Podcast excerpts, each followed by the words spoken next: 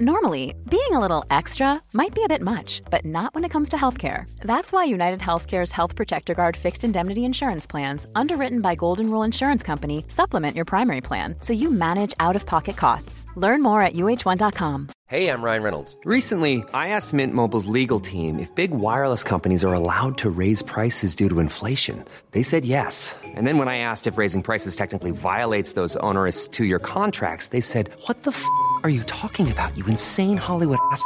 So to recap, we're cutting the price of Mint Unlimited from $30 a month to just $15 a month. Give it a try at mintmobile.com slash switch. $45 upfront for three months plus taxes and fees. Promo rate for new customers for limited time. Unlimited more than 40 gigabytes per month. Slows. Full terms at mintmobile.com. Hej! Kan du stänga av telefonen? Vad fan är problemet? Alltså hur många poddar? Snart hundra poddar ah. senare. Ja, men vi har, vi har i alla fall ett bra, vi har en bra, bra glatt humör.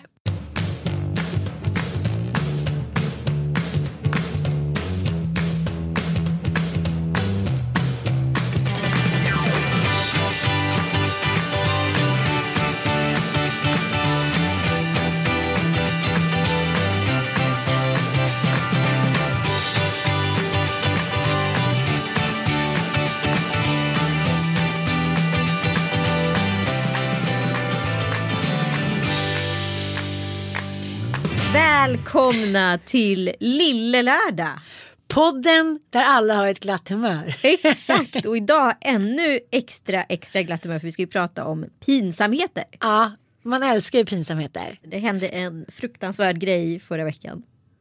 Men jag måste bara så här, uppa pinsamheter för de pågår hela tiden precis som liksom mens eller liksom toabesök eller eh, frukostflingor. Det är bara det att man glömmer bort dem. Ja, fast de är inte så fruktansvärda längre som de var för ett par år sedan. Förstår du? Att, här, alltså, hade någon walked in on you när du sitter på muggen när du var 15 år, då hade ju det varit som att jorden skulle gå under. Idag är det ju inte lika fruktansvärt. Idag kan vi till och med bli lite glada. Tjena, du kan stanna till. Alltså, det var någon som öppnade dörren när jag liksom precis liksom hade torkat. Ja. Eh, Snippedippy i, i Båstad och han blev ju så fruktansvärt skamsen.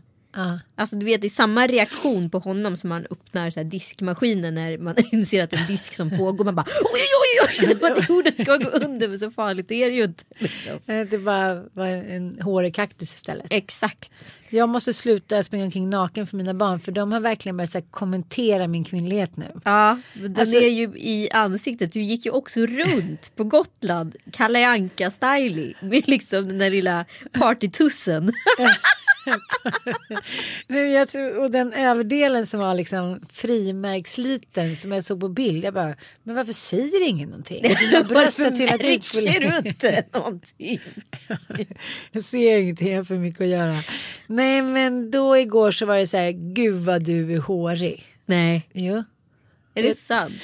Och jag tycker inte att jag är särskilt hårig. Alltså, jag är utväxt stubb.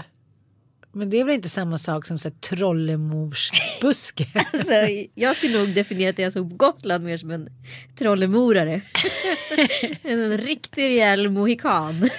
Nej, Vadå, det vet väl inte du? När såg du den? Ja, men för, förmodligen ungefär lika mycket som dina barn ser den när du inte ens tänker på att du inte har någonting för din underkropp.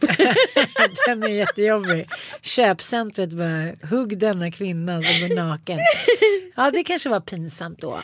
Nej, det var inte pinsamt. Det blir bara att man så här, har en vagina i ansiktet då och då som inte ens vet om att den är Du, blottad. du vänjer dig. Ja. Men det var ju roligt när vi smsade, var det igår natt? Nej, förrgår natt. Förrgår natt. Ja.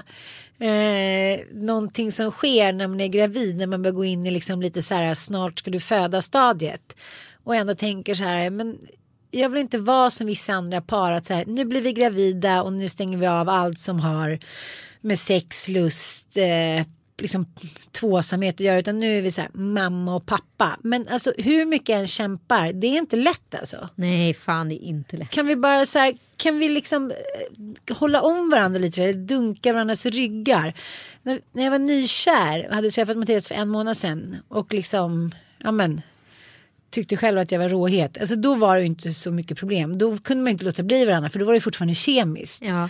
Men nu går det jättebra att låta bli Det kommer ju filter på filter på filter. Alltså Mm. plus att så här, jag är också tvååring som tar så jävla mycket energi. Ja. Alltså man kan göra liksom en stor grej per helg. Sen är man död. Ja. Och det så här, går ju ut över barnen. Det tycker jag är fruktansvärt också.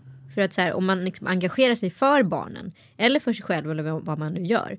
Så har man inte energi till mer. Sen har man inte liksom, räcker man inte till resten av helgen. Då funderar jag på så kanske bättre bara vara hemma och liksom chilla i två dagar. Men det tycker de inte heller är kul. Nej, men alltså, jag tycker att det är ett jättesvårt dilemma. För Mattias var ju på golfhelg och jag var ju då själv med alla barnen och deras kompisar hit och dit.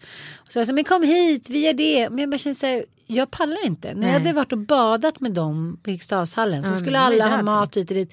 Men vadå som att jag är så här, åh gud, nu går jag över med alla barn och tar en drink upp hos Jenny. Alltså, jag vill, bara, jag vill bara stänga dörren och här, sitta lite framför tvn. Det, jag orkar inget mer. Men de vill ju göra grejer. Ja.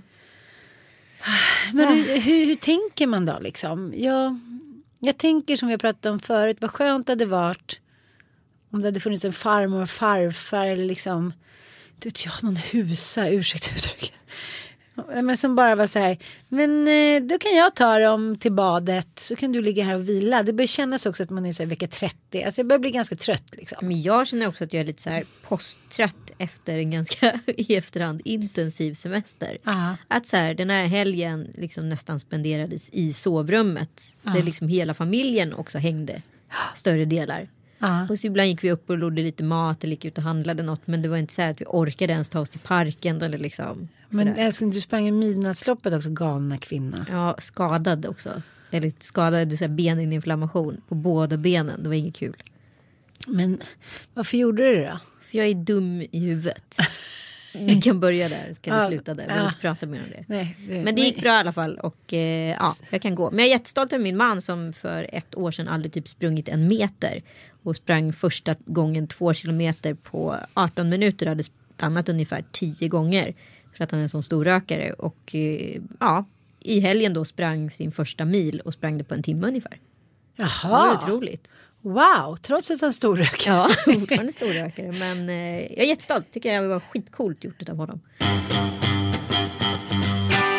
Men tillbaka till pinsamheter. Ni kanske har upptäckt att det har funnits en, finns en ny liten knapp på Instagram som heter Insta Stories som jag nu är ett stort fan av. För nu betyder det att jag inte behöver switcha från Instagram till Snapchat för att få ut mina liksom, dagliga Tourettes, tics, eh, humor, påhitt, eh, upplevelser etc.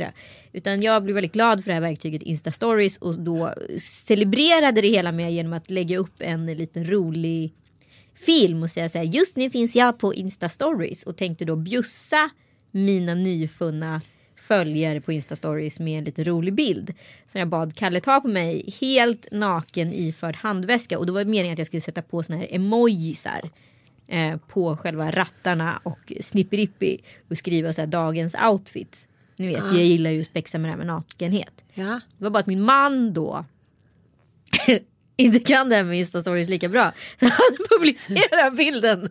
Så där står jag. Kan du lägga ut den här bilden igen? Kan du lägga ut den med emoji då? Helt naken. Men jag fattar inte. Väska, helt okommenterat. Ingen copy, ingenting. Men vadå, var inte handväskan för snipperippi? Det var Du på kö- sidan, jag står alltså och flash. Jag sa så här, just nu finns jag på Insta stories och där står jag helt enkelt. Den paniken, det kanske rör sig om 30 sekunder. Man bara, han bara, "Det- den är publicerad, den är publicerad. Jag bara, är du dum i huvudet? Är du dum i huvudet? Och så försöker vi båda få bort bilden och inte riktigt vet hur vi får bort bilden. Så det tar kanske 30, 30, 40 sekunder. Så det är i alla fall liksom några arma krakar där ute som har sett den. Så den är förmodligen skärmdumpad någonstans. Jag bara väntar på att den ska liksom komma upp rakt i nyllet på mig. Men du är ändå ganska snygg på bilden kanske? Nej det tror jag inte. Jag hann ju inte ens dubbelkolla den. Ja, så nu, den finns inte längre? Nej! Den finns inte. Det är ju som, det är som en snap. Jag trodde du hade kvar den i kameran. Nej. Gud nej. Ja, det var ju väldigt, väldigt pinsamt. Jag eh, fick en liten så här gravid-depp. Och kände så här, nej nu orkar jag inte mer. Och skulle typ, ah, gud, jag orkar inte med att jag säger det. För det låter som att jag är 20 år. Men Ja, men skulle typ skicka ett litet sms till Mattias. Det var så här. Jag orkar inte mer. Det är kanske är lika bra att det är över. Jävla dramatiskt. Men ska du säga Ja, hela tiden bara. Jag orkar inte mer. Det- Jag tror inte det kommer bli något. Vänta, bara, vänta, du säger det här tre gånger i veckan. Jag kanske säger en gång i månaden. Men jag kanske till och med ska läsa upp det. Ja, läs upp det, det är ännu bättre. Och så skick, ja, jag läser upp. Ja, jag förstår inte att jag gör det här. Men vi måste bjuda på våra pinsamheter. Ja, men annars är inte det ingen idé att ha den här podden tycker jag. Nej, tycker inte jag heller. Då ska vi se. Det här skickas då till Gotlands-Åsa och Mattias. Och Gotlands-Åsa är ju då en kvinna som bor i ett hus på Gotland som jag kanske har träffat två gånger. Ja. Hej, jag känner mig så värdelös och sänkt och påhoppad och otrygg just nu att jag faktiskt har svårt att se hur vi ska kunna leva tillsammans. Och du, du verkar känna likadant. Formulerad Så jag här lägga över också som att han är som en göra. Jag åker bort med killarna i helgen. Men vad, ska jag ta vägen? Jag orkar inte ens gå upp ur sängen, rulla ur sig. Så får jag försöka tänka ut en plan. Slash lösning. Älskar dig. Litet A. Hej! Ja men så här också korrekt som att det var så en 1800-tals kamrer. men ändå så här. Sekreterare. Han förstår att jag är ledsen eftersom jag avslutar med älskar utropstecken. Ja, det var det du tänkte. Det Ja. ska ändå vara så här good cup. Ja men du förstår ju att så här, det här är en du vet, hormonsjuk kvinnas sista önskan. Hej du skickar nog fel an. Ö, och sen är emojin är så här. Ö. Jag låtsas att jag inte har läst. Sköt om er.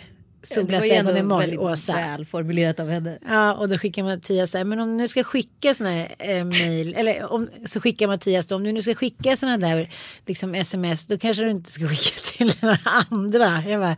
Och du har skickat det som ett grupp-sms. Nej, två bara. Men hur kan jag få in Åsa Bolin på Gotland på det här? Jag förstår inte. Nej, Jag vet inte. Men du vet man är så här trött. Man bara äh, orkar inte bry mig. Hon förstår ju att det inte var. Han bara, men då blir det ändå så här. Ja men jag förstår. Jag ska, jag ska tänka på. Jag ska.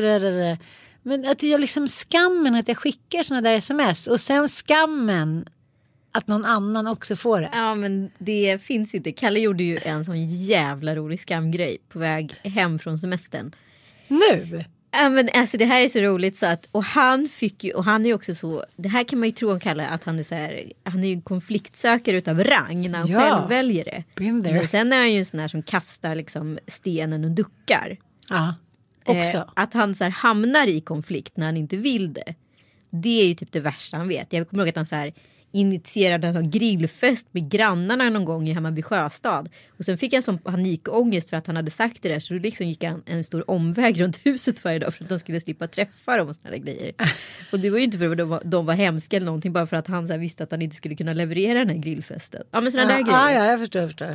Så det här är liksom det värsta som kan hända honom. Alltså hans ångestattack ut efter det här smset. Det är så roligt jag håller på där. Han ska då skicka ett sms till våran barnvakt och fråga om hon är ledig. Och det är en barnvakt som inte vi har som regelbunden barnvakt utan då och då barnvakt. Så han skickar så här. Tjena Nicole, eh, hur är läget? Vad länge sedan, eh, vad gör du ikväll? Det är bara att han skickar det här till Nicole Hamman som är liksom försäljningschef på Google.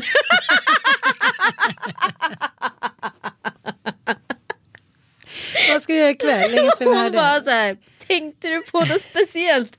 Och när han ser då att det är Nicole som har svarat. Så, Jaha, svarade hon på det? ja, tänkte, Tänkte du på något sätt. speciellt? Lite så här, vad fan håller du på med? Ja, ja. Inte liksom, Nej. jag blev inte smickrad, det här är bara jättemärkligt.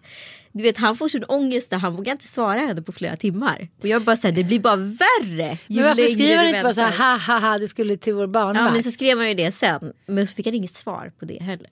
Nej. Jättejobbigt. Hon tror alltså fortfarande att han har försökt dra Ja. en liten rövare och typ så här ska du och jag typ. Ja, vad gör du ikväll?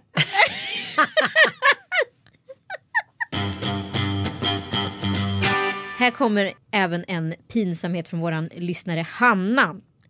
Tjena girls, här kommer en pinsam sak som jag var med om förra året. Jag är bosatt i utlandet sedan två år tillbaka och skulle till familjen en, vecka. Eh, hon hade packat med sig en massa sexleksaker. Eh, hon skulle hem och träffa en kille. Eh, hon flyger, landar allt i frid och fröjd. Mamma, pappa, syster hämtar upp mig och kör från flygplatsen. Vi kommer upp på uppfarten och pappa stannar. Jag väntar på att pappa ska stänga av motorn men reagerar på att det tar längre tid än vad det borde att stänga av. Och ko- då kontrar han med att bilen redan är avstängd. Det är något som vibrerar kraftigt där bak. Ja, det ska man ju räkna ut vad det är.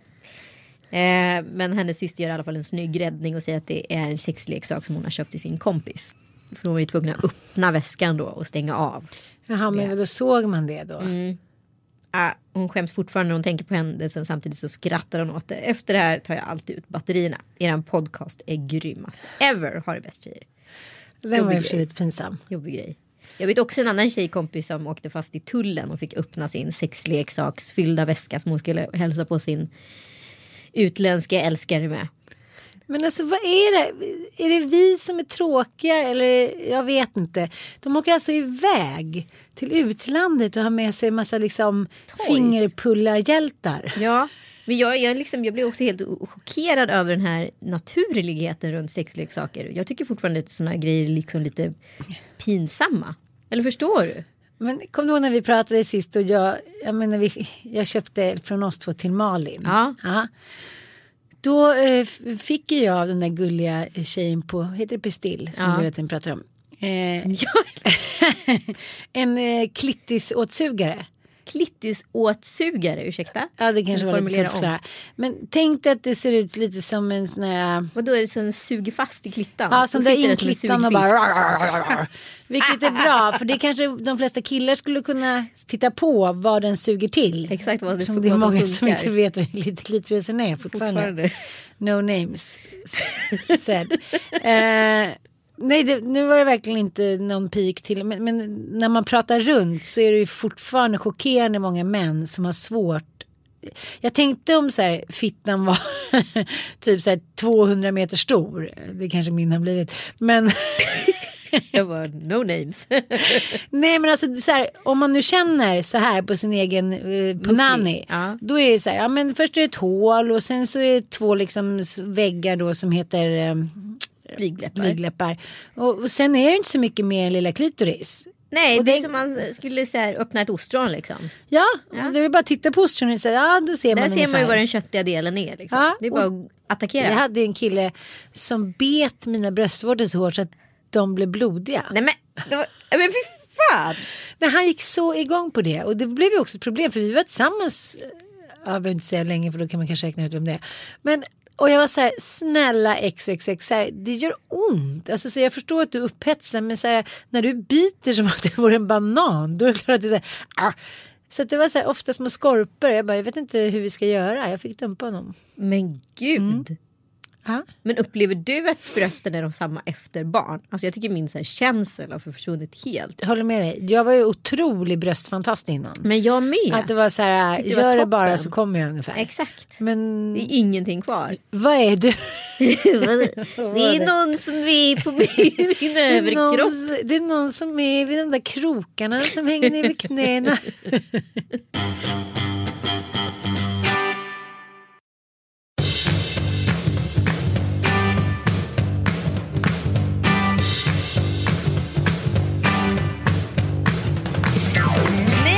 Konstigt egentligen. Alltså, så här, det finns ju vissa människor eh, också så här, fysiskt. Jag har flera polare som är så här, exceptionellt lika varandra. Och det här var ju väl kända personer men jag har ju jättemånga kompisar som är så här. Oj hon är ny Karin. Oj hon är ny eh, Camilla och så vidare.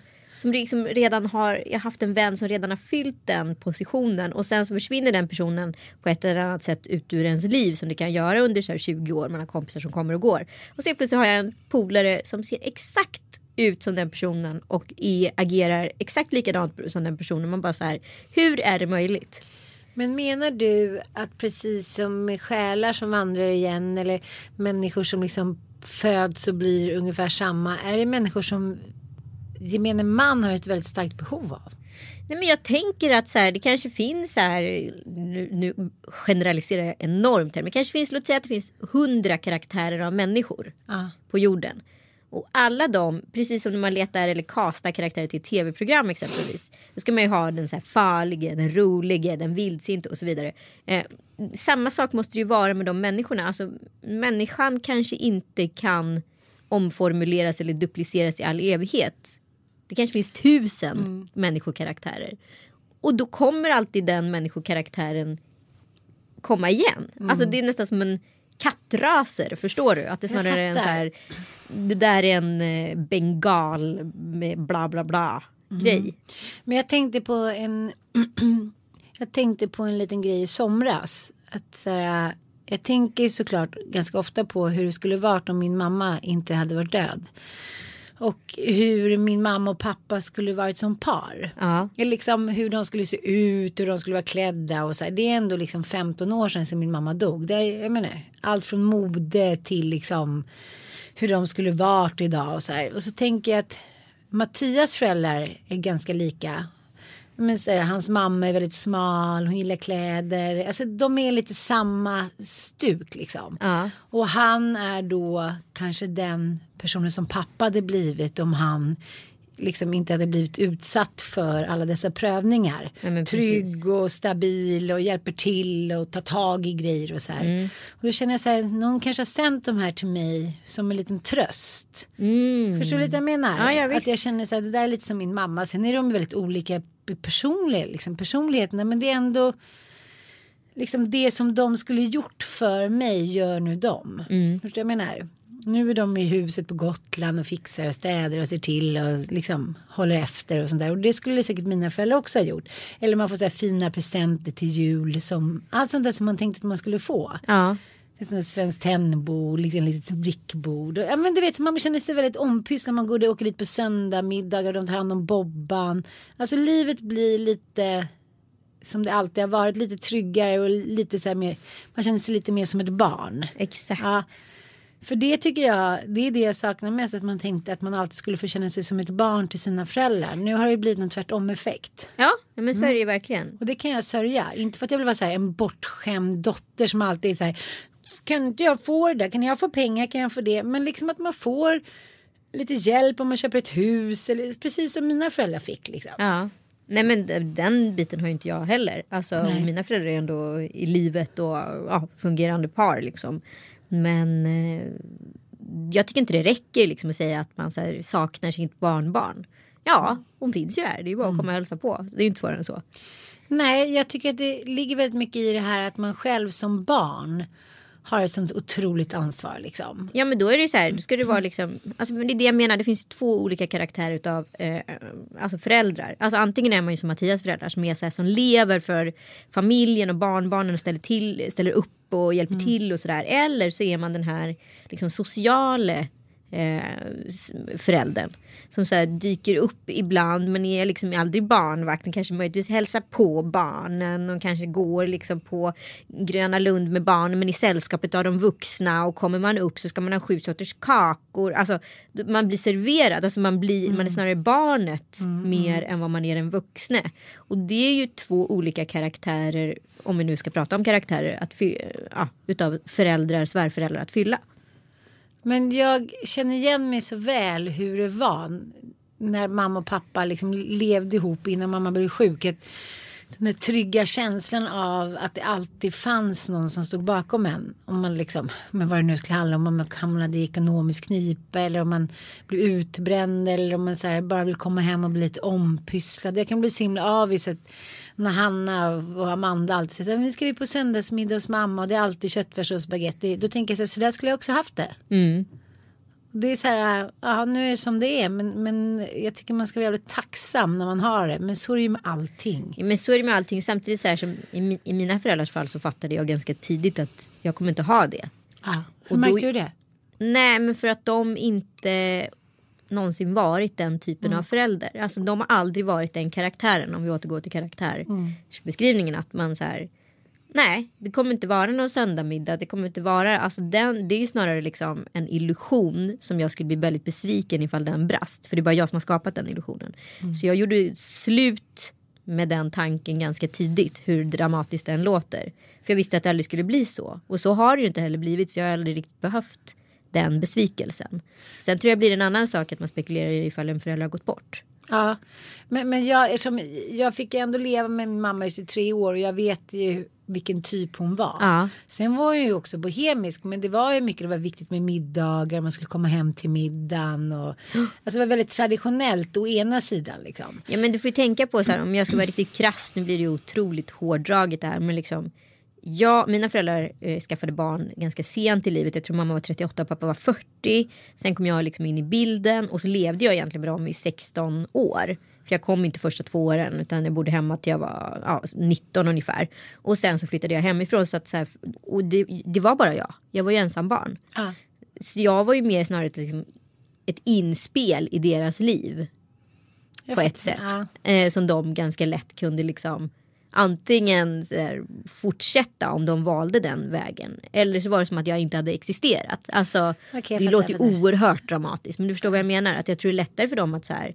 Ja, och ska man hälsa på Anita. Alltså Mm, ibland. Än att, så här, att jag var en naturlig del av deras liv. Jag tror liksom. Det är och kommer vara en stor skillnad att vara adopterad och vara ensam barn. Gentemot några som har liksom fött den och liksom försörjt den. Och eh, man har ett annat band. Det kan jag inte, kommer jag aldrig kunna neka till. Liksom. Ja. Så är det. Men skulle du kunna tänka dig att adoptera? Absolut, men jag tror också det handlar om var någonstans i liksom barnaskaran man adopterar. Om du adopterar för att du inte kan få barn och sen exempelvis får ett eget barn. Då kommer det, jag har kompisar som har varit i den situationen som har varit adopterade. Då kommer du alltid vara liksom the second best child. Men om du liksom skaffar egna barn och kan få egna barn och sen adopterar då får du en annan position i familjen för då blir det liksom hela familjens lilla bebis. Liksom. Ja, jag fattar. Eh, och de barnen är mycket lyckligare än de som kom tidigt och sen så kom det där kärleksbarnet efter ett tag. Liksom. Ehm, alltså jag tror att allting handlar om liksom, omständigheten. Sen är det ju inte så lätt att adoptera idag som det var förr i tiden i och med att idag så måste kvinnan vara en viss ålder och barnen måste vara en viss ålder och du, det är väldigt många som står före i kön om du redan har egna barn. Jag tycker det är bra. Mm. Jag kan känna lite så här 70-talet, lite så här, men nu ska vi bara ha en liten gullig eh, bebis med mörk hy. Ursäkta. Ja. Men lite, ja, lite som hela 70-talet var. Vänta, nu fick jag ett infall. Nu ska jag säga. Vi ska rädda världen. Så här. Nu ska gud, de har gröna stålsängar i, i vad heter det, u-länderna. De måste ha riktiga sängar. De har ingen jävla aning. Liksom. Mm. Nej, Om men- du inte kan jämföra så behöver du måste Ja, men det är jämföra. lite så här som gröna vågare på 70-talet. Man bara, men det, här, det blev inte bättre barn för att de inte fick en godisbit under hela sin uppväxt eller äta spagettipumpa. Och McDonalds var helvetet på jordet liksom. Men jag tänker att Nej men också så här psykologiska tester utfärdas på mig. Inte på mina föräldrar exempelvis. Är inte det spännande? är det sant? Idag är det precis tvärtom. Idag alla som går igenom en adoption som föräldrar idag får ju en jätteavancerad så här psykoanalys typ. Men vad då på dig? Nej men det kom ju ett soc-tanter och kollade så att jag var frisk i huvudet men inte liksom mina föräldrar var per definition. Och jag vet ju några föräldrar som har riktiga nutcases. Liksom. Ah,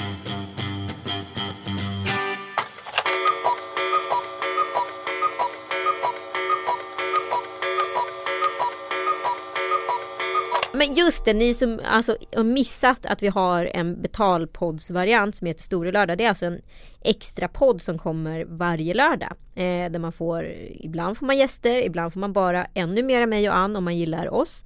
Eh, och det funkar så här, man laddar ner Acasts eh, lilla app och så trycker man på eh, att man ska ladda ner den och sen så kommer helt plötsligt en podd upp som är låst som det ser ut i displayen. Du trycker på den och så väljer du att du ska betala för den och så svarar du ja. Det går liksom via ditt eh, Android eller eh, iTunes-konto beroende på vad du har.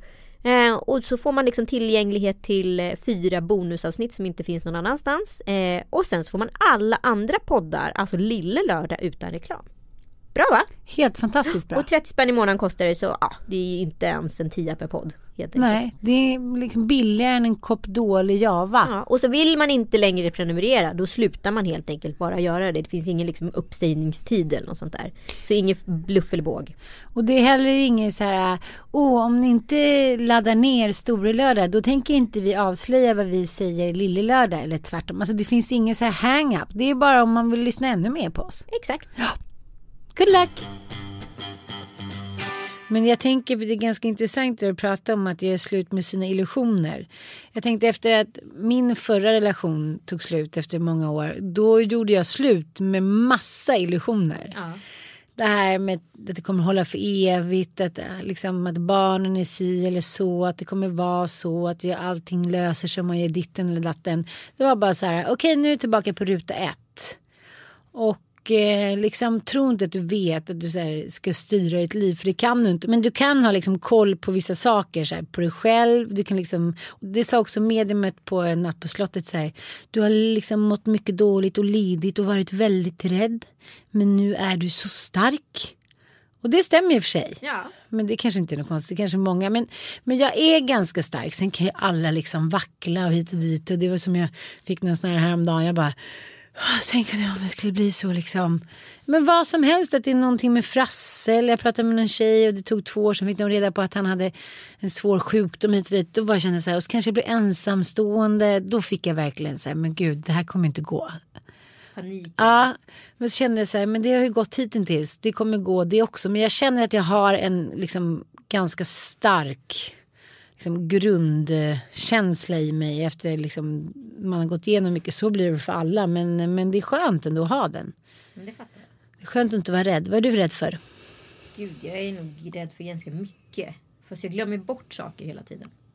Så jag, jag kan inte så komma på en rädsla förrän jag står inför den. Sen så tycker jag liksom alltid som det man tänker så här, ah, men jag ska klara mig så bra själv och bla bla bla. Så börjar man se liksom fan hur en familj funkar på en helg exempelvis. Hur mycket jobb det är. Tänk göra det själv hela tiden. Jag ska dö. Jag, kan, alltså, jag är en usel moder. Men jag tänker nu när Mattias ska på alla sina lampmässor i Paris och Stockholm och bla bla. Jag känner så här. Snart kommer inte jag kunna unna honom det längre. För jag känner så här, nu hade jag fyra barn ensam den här helgen. Och det är också att de är så stor skillnad i ålder. Det är så här, bara fixa mat till alla. Att de ska ha liksom ett meningsfullt helgliv med lite aktiviteter ändå. Vilket jag kan inte bara... att ni måste in igen. Jo jag vet men, men nu var det ju helg liksom. Alltså förstår jag men man kanske inte har. Ja jag vet inte. Men sen så pratade jag med min goda vän. Hon var så här. Ja vi ska ha en stor fest här nu och eh, min man ska flyga till ett danskompani från Tel Aviv. Alltså det var bara, hon radade upp så mycket liksom, så mycket grejer som var så här 300 pers måste hjälpa mig annars går jag under. Så då kände jag så här, ja men jag kommer nog klara det här också. Så får det nog bli. Så det. Ja. Det är klart. Men apropå, vi pratade ju om gestaltningar och, och liksom den typen av alltså, karaktärer. Jag, jag fick en, en så här, oerhörd insikt den här helgen. Det är inte så att liksom, man har ett direkt icke händelserikt liv heller. I torsdags kom jag på att vi skulle åka till, jag kom på, kom på, det var bestämt sedan länge. Vi skulle åka till Way Out West. Jag ville ha gått på Just det. festivalen så himla mycket. Jag, tänkte, jag var där för två år sedan och gjorde Fyllepodden och då var jag liksom bara där över dagen. Och gjorde tre intervjuer och så åkte jag därifrån så bara kände jag på kvällen och då var ju Tom Allan nyfödd. Liksom. Jag bara så här, Fuck I wanna be here. Det här är för kul liksom. Jag är en gammal festivalare. Det är klart att jag ska hit liksom. Så jag haft det lite som en så hemlig dröm. Och så fick, kom det upp ett, eh, en förfrågan om jag ville gå. Och så var jag så ja det är klart jag vill gå. Så jag och en kompis åkte ner hur som helst på torsdagen. Och så bara så här inser jag så här. Att när jag såg själv en person på festival. När jag var så här 16-17 år. Och hade dragit till Roskilde eller någonting. Så tänkte jag så här. Vad fan gör en 38-åring här? Ah. Och precis så kändes det. Vad fan gör jag här? Men den där ångestbilden du la ut från hotellrummet. Jaha, nej men gud. Alltså hotellet, där njöt vi. Jo men jag menar jag bara kände så här varför. Ja, men, jag tänker nu om ni hade bott i tält vilket ni aldrig hade gjort. Nej, men. Men den här idén att du liksom du har haft någon tvångstanke du måste tillbaka på festivalen. Och Jag för ska tillbaka här, till brottsplatsen. ja, Alltså, jag Men- ska känna det där som jag kände då. Fast göra det liksom på det sättet. Jag kommer ihåg att jag rullade in backstage genom kissrännan. Eh, där killarna pissade. Så det var liksom fullt med piss på marken för att komma in backstage på Lollipop. Eh, 1999. Så hela jag och min kompis Isabelle var dränkta i urin. Och vi får tvätta händerna liksom i vad heter det, trummisen i Fate No Mores eh, Evian. För att vi stinker så mycket. nej. Och sen kommer vakten och släpper ut oss och då hade vi hunnit hänga med Della Soul och några och tyckte det var, det var liksom drömmen. Nu går man ju bara liksom in på vippen. Jag tycker det är på riktigt ett sånt jävla misslyckande med Way Out West. För det är så här en alkoholfri, köttfri och mjölkfri festival. Som serverar glass och milkshake typ. Nej men förlåt. Och sen så vad heter det. Är den alkoholfri också? Ja! Och då, vad är det som sker? Jo, då kan alla betalas mig för att komma in i vippen. Det är inte så att jag inte står ut med det. Men det blir ju hyckleri. Om man nu ska köra alkohol. Det ser helt tomt ut på festivalområdet. Alla står inne i vippen och krökar. Jaha, det där hade jag ingen aning om. Nej, du menar alltså att man kan betala sig en summa för att komma in Ja, på men du kan för... uppgradera ditt band Ja. och så får du gå in och så får du dricka alkohol. Och det är ju det folk vill. Antingen sitter de ute i buskarna där, där, där man tältar eller utanför festivalen och halsar en, en vinare. Eller så kan man köpa en öl inne på området som du brukar. Fast det kan du inte den här gången. Utan nu är det alkoholfritt där så det är helt tomt. Förutom framför den scenen där en viss konsert är. Och jag tycker det är totalt misslyckande. Och vilka träffar du backstage då? Jo, du träffar samma personer som du träffar i baren på Rish. Du kan för fan lika gärna starta en Facebookgrupp. Liksom. Så här, vi som går på Rish och också råkar befinna oss samtidigt på Way Out West. Alltså, ärligt talat. Det var, så här, det var som att åka och vara med om en Stockholmskväll. Ja, men då, vilka träffar du då? Men Olof Lund. Ja. Eh, jag träffar eh, Pamela Bella Fasta. Eh, jag träffar eh, Daniel Paris. Jag träffar eh, eh, Margot Ditz. Eh, och, så, och så vidare. Liksom. Alltså Petra Tungården. Alla personer som man kan potentiellt träffa på Rish en fredag after work. Men vadå, du tyckte inte att det var ett dugg kul? Nej men och grejen är så här, man kan inte bygga upp en festival på att Libertine ställer in. Att det är den stora skandalen som kan hända. För Libertines har ställt in så länge jag vet att de har existerat som band. Det är alltså... Mer väntat än oväntat. Det är alltså... dock ett Ja, förutom Baby Har, de, har de någonsin inte ställt in? Nej men exakt. Det är mer så. Man undrar egentligen vad de lever av som de alltid ställer in. Ja, och sen så har jag hört så mycket så här, liksom, grejer om Sia-konserten. Det som skulle man, man kunna credda om den det är väl att den var visuell, att det hände någonting mer, att hon som artist har ställt sig utanför artisteriet. För idag, 2016, räcker det inte bara att vara en person som står. Jag kollar på Morris exempelvis, men efter tio minuter så är man ju trött på honom. Även hur bra och politisk och fantastisk och briljant han är. Men så du kan inte stå och kolla på en gubbe som står och giggar i två timmar idag. Nej. Det håller inte. Du måste, alltså så här, alla houseakter eller till och med Håkan Hellström har ju en stor visuell show. Eh, om du inte har det, Sia hade liksom två fantastiska dansare som hon alltid jobbar med som var där. Och man vet inte ens om det var Sia som var där för det var både playback och det var singback. Och sen så var det de här dansarna. Så det skulle ju i princip kunna vara vem som helst i och med att Sia i, i, är liksom anonym som artist. Och det blir också knasigt. Det var ju tydligen jättebra. Men det var ju för att det var visuellt. Det räcker inte att vara ett band som giggar i två timmar idag. Det krävs nog mer. Men jag tror att så här, festivaler kommer dö ut. Inom tio år kommer inte finnas en festival. Nej men det kommer inte vara på det här sättet. Det måste vara som Burning Man. Det måste vara som något annat. Mm. Det måste vara ett koncept. Det måste vara ett kreativt koncept. Mm. Som där liksom musik snuddar vid konst eller tvärtom. Burning Man, jag var på väg dit. Klart det var. jag vill också åka dit. Ja, men jag tycker det är spacet nu. Man skulle åkt dit för ett par år sedan. ja, men det låter bara helt galet. Jag är lite liksom rädd för mig själv vid sådana här tillställningar där man inte är i Sverige. När man tänker så här, Åh, här vet ingen vem jag är. Hallå. Det här verkar ju kul. Jag liksom, nu kör vi. Och sen bara, jag hej jag var en apa i typ schimpanskläder. Alltså, Det är ungefär som att vara en natt på slottet. jag får feeling. I'm a monkey. I'm a monkey whore.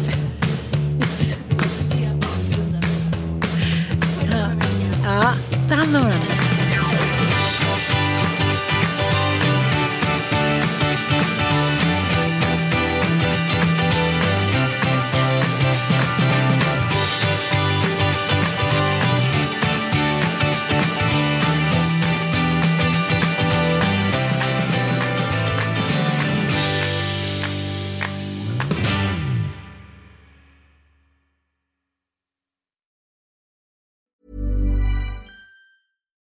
Botox Cosmetic, out of botulinum toxin A, FDA approved for over 20 years. So, talk to your specialist to see if Botox Cosmetic is right for you. For full prescribing information, including boxed warning, visit BotoxCosmetic.com or call 877-351-0300. Remember to ask for Botox Cosmetic by name. To see for yourself and learn more, visit BotoxCosmetic.com. That's BotoxCosmetic.com.